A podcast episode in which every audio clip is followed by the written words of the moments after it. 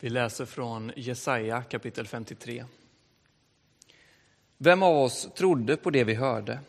För vem var Herrens makt uppenbar? Som en späd planta växte han upp inför oss, som ett rotskott ur torr mark. Han hade inget ståtligt yttre som drog våra blickar till sig, inget utseende som tilltalade oss. Han var föraktad och övergiven av alla, en plågad man, van vid sjukdom, en som man vände sig bort ifrån. Han var föraktad, utan värde i våra ögon. Men det var våra sjukdomar han bar, våra plågor han led. När vi trodde att han blev straffad, slagen av Gud, förnedrad. Han blev pinad för våra brott, sargad för våra synder. Han tuktades för att vi skulle helas. Hans sår gav oss bot. Vi gick alla vilse som får, var och en tog sin egen väg. Men Herren lät vår skuld drabba honom. Han fann sig i lidandet, han öppnade inte sin mun. Han var som lammet som leds till slakt, eller tackan som är tyst när hon klipps. Han öppnade inte sin mun. Han blev fängslad och dömd och fördes bort. Men vem ägnade hans öde en tanke? Han blev utestängd från de levandes land, straffad för sitt folks brott. Han fick sin grav bland de gudlösa, fick vila bland ogärningsmän, fastän han aldrig hade gjort något orätt, aldrig tagit en lögn i sin mun. Men Herren tog sig an den han sargat, botade den som gjort sig till ett skuldoffer. Han ska få ättlingar och ett långt liv, och Herrens vilja ska få förverkligas genom honom.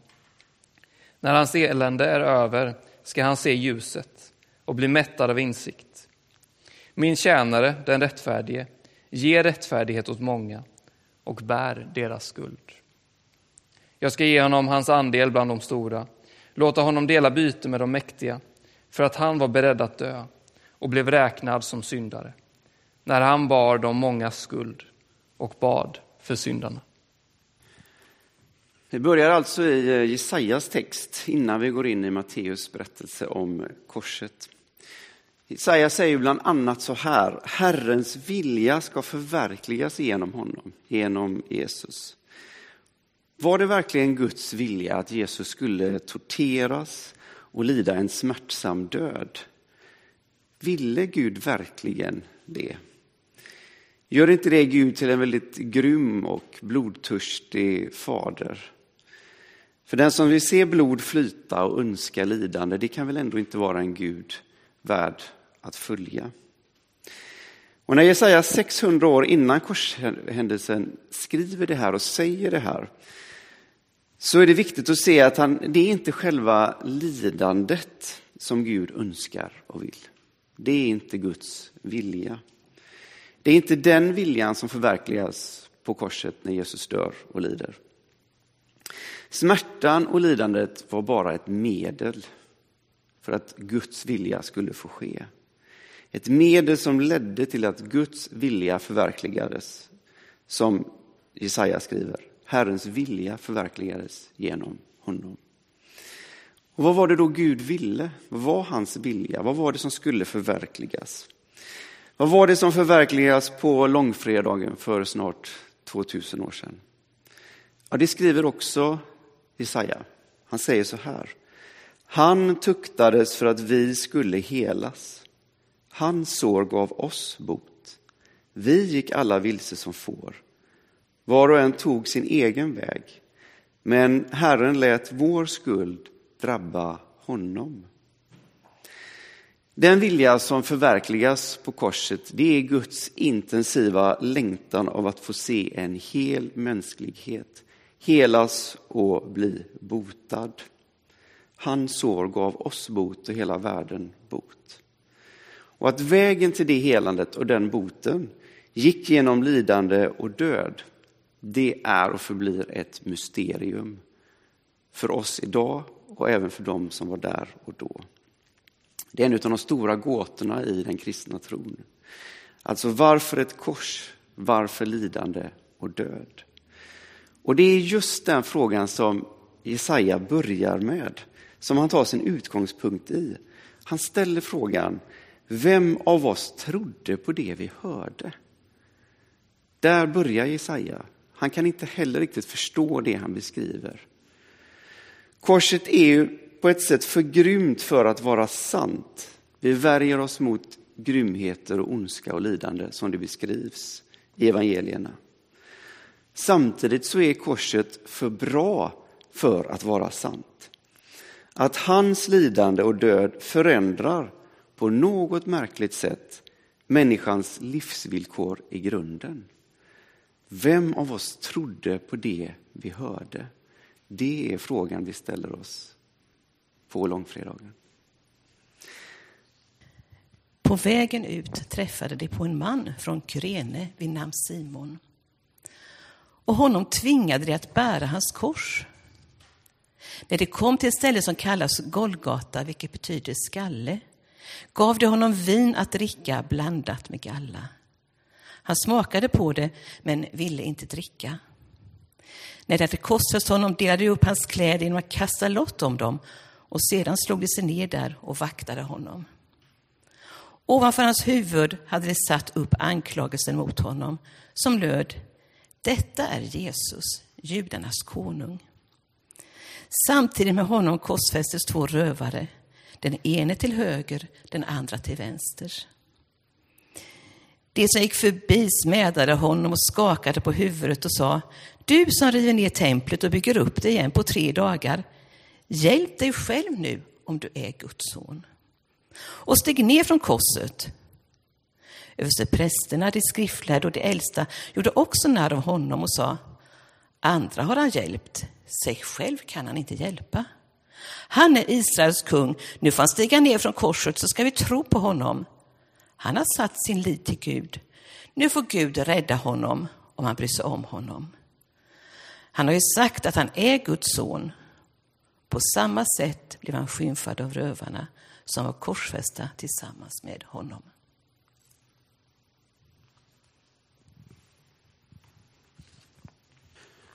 Hånen haglade över Jesus där han hängde på korset.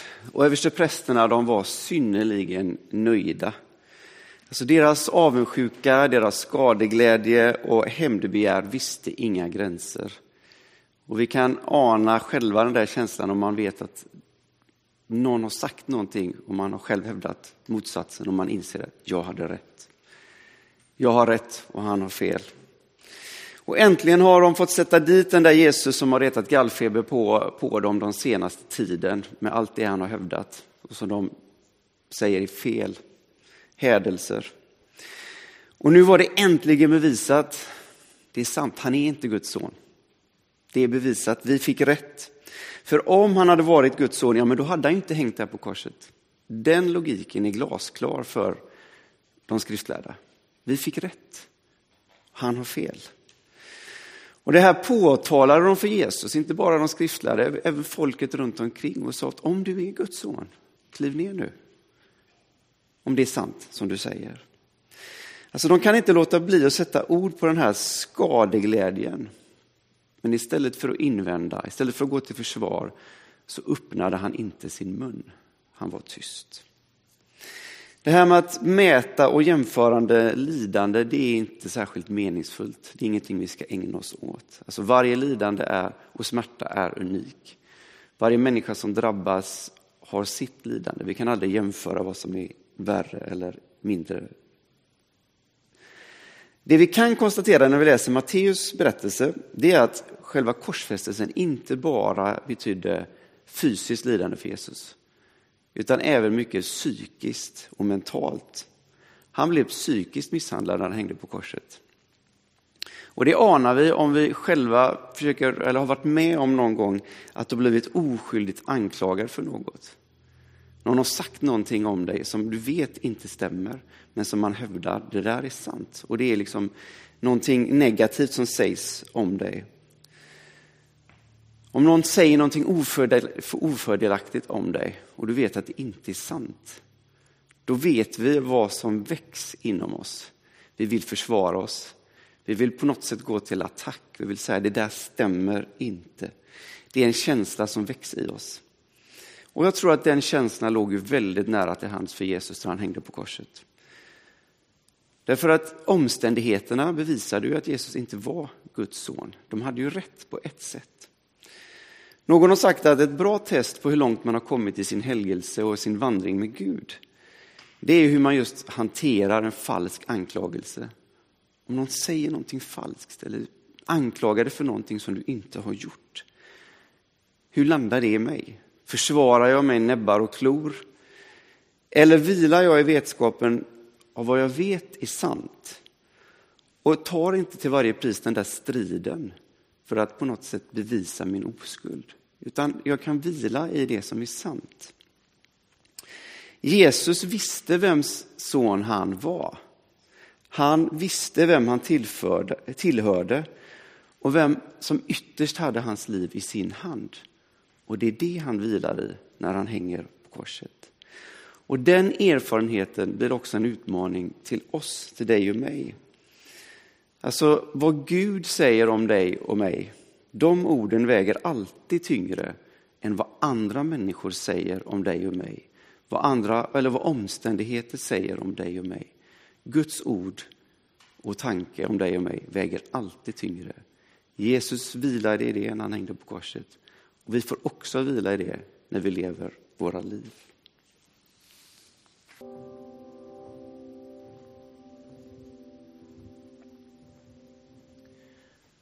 Den här textläsningen kommer att följas av en kort stunds tystnad. Vid sjätte timmen föll ett mörker över hela jorden och det varade till nionde timmen. Vid nionde timmen ropade Jesus med hög röst Eli Eli, lema sabachthani. Det betyder min Gud, min Gud, varför har du övergivit mig? Några som stod där hörde det och sade, han ropar på Elia. En av dem sprang genast bort och tog en svamp, fyllde den med surt vin och satte den på en käpp för att ge honom att dricka. Då sade de andra, låt oss se om Elia kommer och hjälper honom.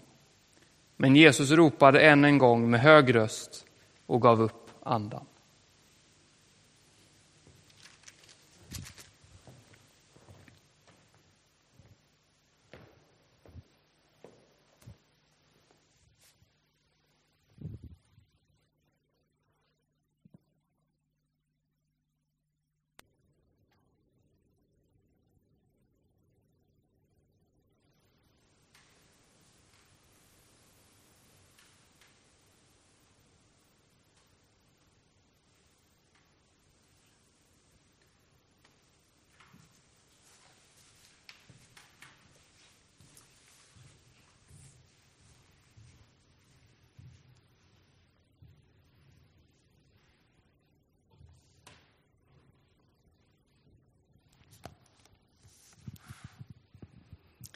Då brast förhänget i templet i två delar, uppifrån och ända ner. Jorden skakade och klipporna rämnade och gravarna öppnade sig. Många kroppar av avlidna heliga uppväcktes och efter hans uppståndelse lämnade de sina gravar och gick in i den heliga staden och kunde ses av många. När officeraren och de som bevakade Jesus tillsammans med honom såg jordbävningen och det andra som hände greps de av stark fruktan och sa, den mannen måste ha varit Guds son. Det var också många kvinnor som stod längre bort och såg på. De hade följt med Jesus från Galileen för att tjäna honom. Och bland dem var Maria från Magdala och Maria som var Jakobs och Josefs mor och moder till Sebedaios söner. På kvällen kom en rik man från Arimatea som hette Josef och som också han hade blivit lärjunge till Jesus. Josef gick till Pilatus och bad att få Jesu kropp. Pilatus gav då order om att den skulle utlämnas. Och Josef tog kroppen och svepte den i rent linnetyg. Han lade den i en ny grav som han hade låtit hugga ut åt sig i berget. Sedan rullade han en stor sten för ingången till graven och gick därifrån. Maria från Magdala och den andra Maria var där och satt mitt emot graven. De stod på avstånd och de stod längre bort. De var många och de var kvinnor. Det de hade gemensamt det var att de alla hade följt Jesus under en längre tid. De hade en relation till honom. Och jag funderar på när de stod där på avstånd och såg det som hände, sa de någonting till varandra? Fanns det liksom ett samtal som pågick? Eller stod de bara tysta i någon sorts skräck och sorg? Matteus han bara konstaterar deras närvaro, att de står där och observerar det som sker. Vi får inte veta någonting mer i hans berättelse i texten. Men jag kan inte låta bli att tänka vidare, om de sa något där de stod med varandra, vad var det då de sa? Kanske någon började göra en teologisk utläggning om korsets roll i försoningen och förlåtelsen. Det är inte så troligt. Eller stod han där och spydde liksom hat och galla över överste prästen och den romerska makten som hade liksom genomfört denna brutala avrättning om den som de älskade. Jag tänker det som troligtvis låg närmast, det var nog chock och sorg och någon sorts förvirring. Besvikelse och förvirring låg också nära till hands. Och i det läget så famlar man efter ord. I det läget, i den chocken, då, då blir ord ganska futtiga. Så det är mer, en, mer känslor, tror jag, som uppfyller deras gemenskap än rationella ord och, och tankar. Och så tänker jag att du och jag, vi står också på avstånd och ser. Vi står på avstånd genom att läsa texterna, ännu längre avstånd än kvinnorna, både i tid och rum. Men du och jag, vi står ju med facit i hand. Vi vet mycket mer än vad de visste och förstod där och då. Så vi behöver inte på samma sätt hantera besvikelsen och chocken över det som hände på korset. Vår bild blir liksom större. Vi har tillgång till alla texter i Nya Testamentet och det gör att vår förståelse ökar. Och trots det så kan ingen av oss säga, jo men jag förstår till fullo vad som hände på korset. Och korshändelsen är ju i första hand inte något vi ska förstå eller intellektuellt hantera på ett rätt sätt. Det, snar, det handlar ju snarare om att på något sätt sätta sin tillit till och ta emot det som händer på korset. Nya testamentet är väldigt tydligt med att Jesu död är helt avgörande för hela världens utveckling och för varje människas liv. Det finns inget eller ingen som inte påverkas av Jesu död på korset. Så stora är anspråken och allt det kan vi inte ta in. Så idag när vi ännu en gång står på avstånd och genom texterna tar del av det som hände på korset så kan vi få hjälp av många olika ord i Nya Testamentet. Men jag väljer idag att ta hjälp av orden från Kolosserbrevet. Kolosserbrevets första kapitel som får oss att häpna och förstå hur stort det är med det som händer på korset. Så här skriver Paulus i Kolosserbrevets första kapitel. Gud beslöt att låta all fullhet bo i honom och att genom hans blod på korset stifta fred och försona allt med sig genom honom och till honom. Allt på jorden och allt i himlen. Det är inget mindre än det som sker på korset. Så omfattande och så världsomvälvande är Jesu död på korset idag. Och vi, ja vi kan häpna, vi kan ta emot och vi kan tacka.